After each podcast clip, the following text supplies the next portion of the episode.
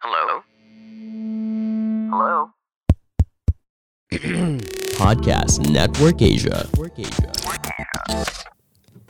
Hai teman-teman, kalau kamu lagi mau mengembangkan podcast kamu tapi bingung caranya gimana, mulai dari sisi performance, menentukan rate konten kamu sampai gimana cara monetisasinya, nah coba deh cek Podmetrics ya. Podmetrics adalah platform yang bisa ngebantu kamu untuk lebih mudah melihat performa konten podcastmu. Lalu melalui Podmetrics, kamu juga bisa menentukan rate podcastmu melalui data yang tersedia. Serta bisa juga monetisasi kontenmu dengan campaign-campaign dari brand yang cocok dengan podcast kamu. Bahkan, Podmetrics juga bisa ngebantumu untuk mendapatkan inspirasi dalam membuat iklan pada podcastmu dengan contoh iklan yang sudah tersedia teman-teman. Gak ketinggalan juga, sekarang Podmetrics juga ada fitur Pod Earnings dengan berbagai metode pembayaran sehingga mudahin kamu untuk mendapatkan penghasilan dari Podmetrics ya. Jadi, kalau kamu seorang podcaster, pastiin kamu daftar Podmetrics dengan memakai Podmetrics referralku. Kamu bisa langsung aja cek di description boxku dan kamu klik link yang ada di situ ya. Buruan, biar kamu tahu gimana caranya ngasilin uang dari podcast. Hai teman-teman, nama saya Ridwan dan selamat datang di podcast Sebelum Tidur.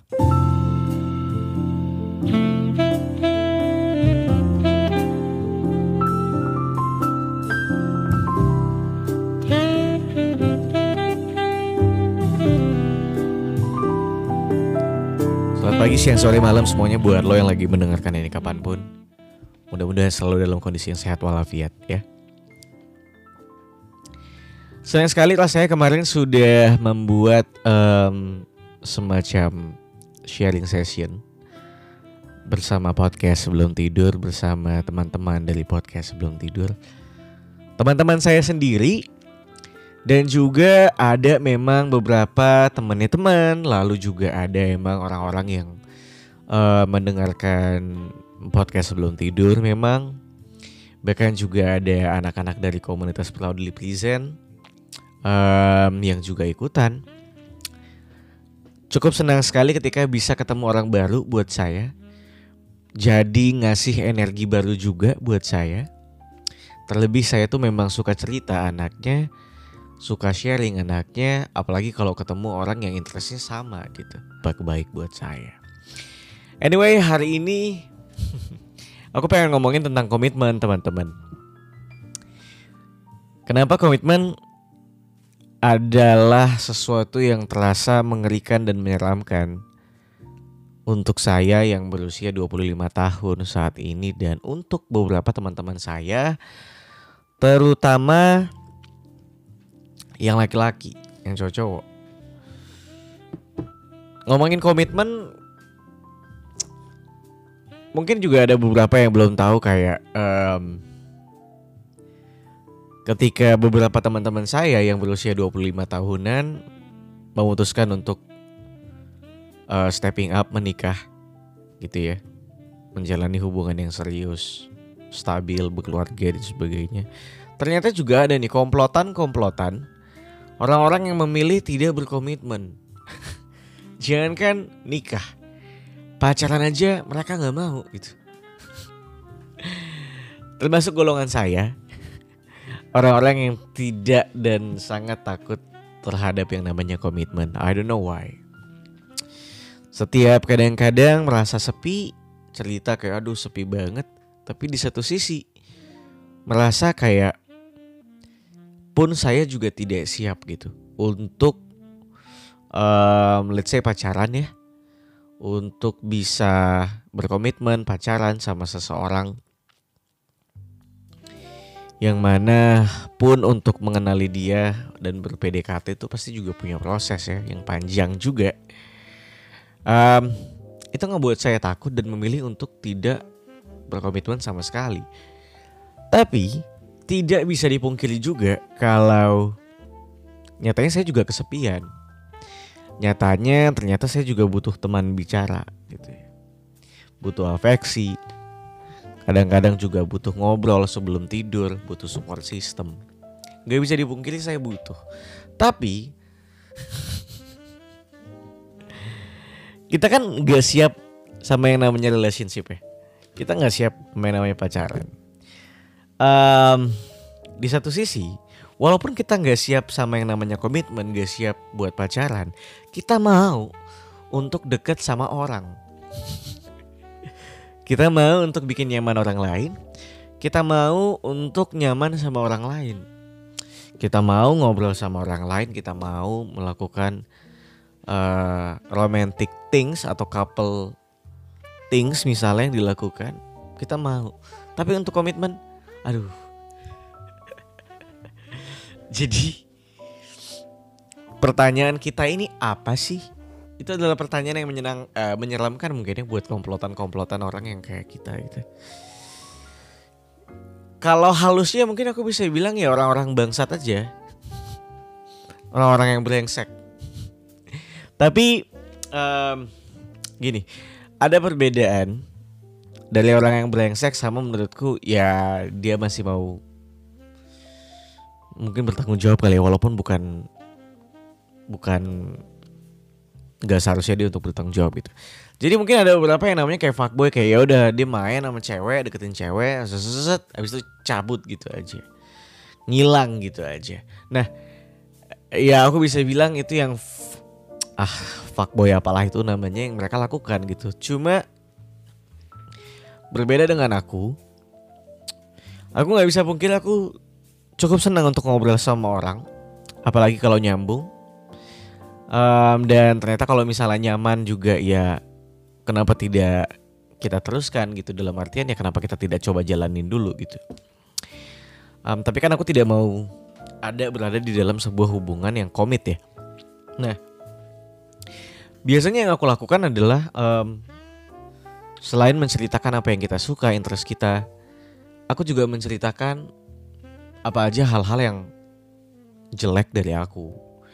Misalnya aku tuh cukup membosankan Kadang-kadang aku bisa melucu, bisa bikin orang ketawa, tapi kadang-kadang aku bisa jadi orang yang pendiam juga gitu kalau di tongkrongan.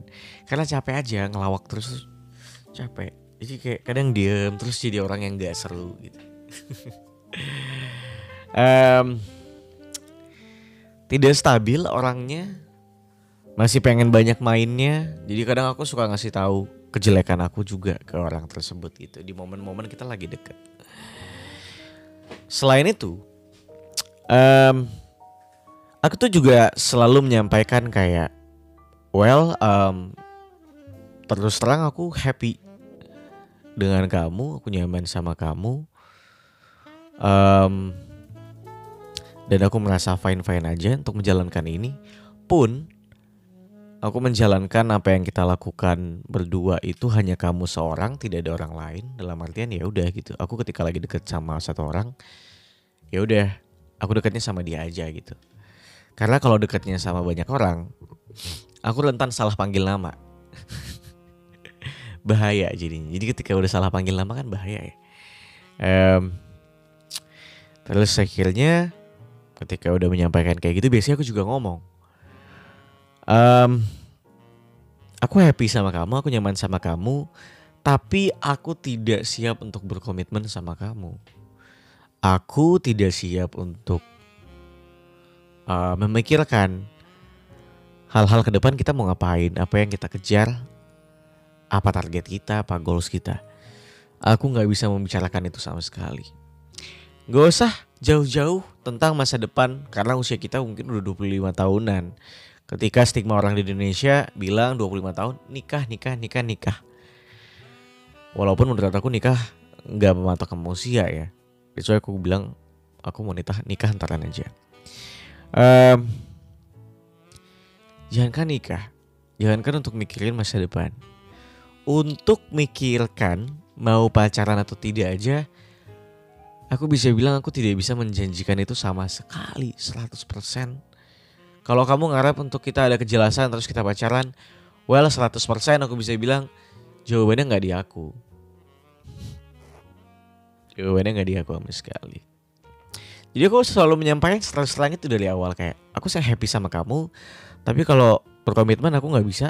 Kalau kamu nyari pasangan yang sudah mapan dan serius mau langkah ke depan bukan aku orangnya oke nggak usah nikah deh pacaran dulu aja pun bukan aku orangnya Kenapa aku harus menyampaikan itu? Karena menurutku penting untuk dia tahu kalau hubungan ini tidak akan ke mana-mana. Penting untuk dia tidak berekspektasi terhadap hal-hal apa pun yang menyenangkan yang nantinya ketika itu nggak kecapai itu bisa ngebikin dia kecewa sekecewa mungkin dan ngebawa dia patah hati sepatah-patahnya dan aku nggak mau. Aku nggak mau ngecewain orang semengecewakan itu gitu. Jadi jauh lebih baik aku tidak membuat ekspektasi yang tinggi. Aku rendah-rendahin ekspektasinya serendah mungkin. Just in case supaya dia nggak berharap banyak sama aku. Karena pun aku nggak berharap banyak sama dia. Um, why kenapa sih bisa berpikiran seperti ini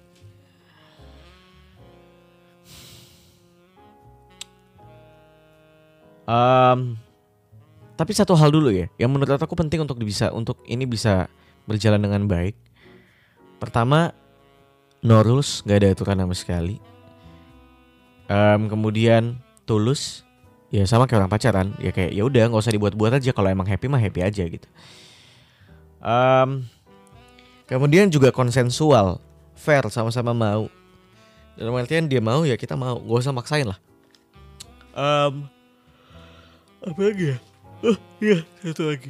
Aku tuh juga selalu bilang kayak Well aku gak bisa menjanjikan banyak Jadi kalau kamu pengen deket sama orang lain Ya go ahead Gak harus izin sama aku Gak harus nanya ke aku Mau cabut ya cabut aja Mau ngomong silahkan Kalau aku mah lebih baik Kalau aku mau cabut aku pasti ngomong Kayaknya hubungan kita udah gak oke okay lagi Ada banyak hal yang mungkin tadinya nyaman Sekarang sudah berubah Dan menurutku ini tidak baik untuk kita berdua Ketika kita berdua sama-sama tahu Kalau kita sedang mengejar segala kebaikan untuk diri kita sendiri dulu gitu. Karir, rezeki, kesiapan mental, batin dan sebagainya. Um, jadi aku lakukan itu terus terus terus terang mungkin dari awal sampai akhir. Ya kan tujuannya untuk menjadi support system kan sebenarnya. Dan ketika itu sudah menjadi hubungan yang tidak sehat lagi dan support system itu berarti sudah rusak aja gitu. Kenapa sih kita melakukan hal-hal ini, hal-hal yang brengsek ini? Anyway ini gak cuma cewek cowok doang ya, beberapa cewek juga banyak kan. Takut kepada komitmen, cila. I don't know why, mungkin trauma. Trauma bukan dari pengalaman pribadi, tapi mungkin ngelihat sekitar. Aku sampai saat ini takut menikah karena aku takut cerai. Takut banget, nggak tahu kenapa ngeri aja gitu dan takut menjadi pernikahan yang tidak menyenangkan berantem misalnya terus terusnya takut ih ih serem and then uh, masih pengen sendiri sih sebenarnya beberapa orang tuh kadang cuma emang masih pengen sendiri dalam artian masih pengen lihat kiri kanan satu atau mungkin juga masih pengen menyenangi dirinya sendiri banyak banget atau mungkin memang sedang fokus sama karir pet yang dia punya. Jadi kompleks banyak. Sama kalau aku juga tidak siap tidak siap untuk bertanggung jawab dengan perasaan orang lain. Gak tahu kenapa. Kayak cukup menguras pikiran dan perasaan aja sebenarnya. Agak egois memang. Tapi aku yakin nanti aku akan bisa kok. Cuma untuk sekarang kayaknya aku belum siap aja gitu untuk memikirkan perasaan orang lain, nyenengin dia setiap saat. Mungkin kita belum siap aja, and that's okay. Berarti kan emang harus nyenengin diri kita sendiri dulu gitu. Um, mungkin itu aja kan teman-teman. Eh, sebenarnya.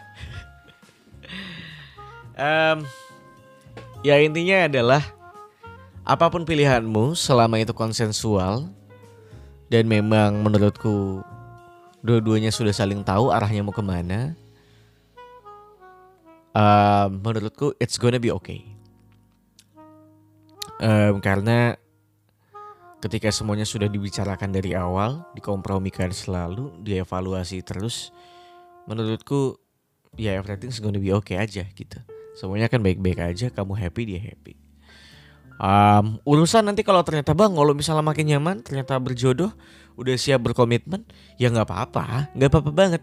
Karena akhirnya aku juga menyadari ternyata perasaan kita tuh segampang itu untuk dibolak balik. Makanya kemarin kemarin aku pernah baca kalau Allah Subhanahu Wa Taala itu maha pembolak balik perasaan. Waduh. Akhirnya aku menyadari itu kayak oh iya juga ya berarti benar adanya gitu kayak um, pun kita juga ternyata sebagai manusia mau setua apa juga kadang-kadang masih labil, masih bingung gitu. But that's okay. Um, cukup untuk episode kali ini teman-teman. Terima kasih sudah mendengarkan podcast sebelum tidur. Kita ketemu lagi di episode selanjutnya minggu depan hari Rabu jam 7 malam. Jangan lupa follow Ridwan Han ya di Instagram aku dan jangan lupa juga follow podcast sebelum tidur di Spotify. Bye. Pandangan dan opini yang disampaikan oleh kreator podcast, host, dan tamu tidak mencerminkan kebijakan resmi dan bagian dari podcast Network Asia. Setiap konten yang disampaikan mereka di dalam podcast adalah opini mereka sendiri dan tidak bermaksud untuk merugikan agama, grup etnik, perkumpulan, organisasi, perusahaan, perorangan, atau siapa pun dan apa pun.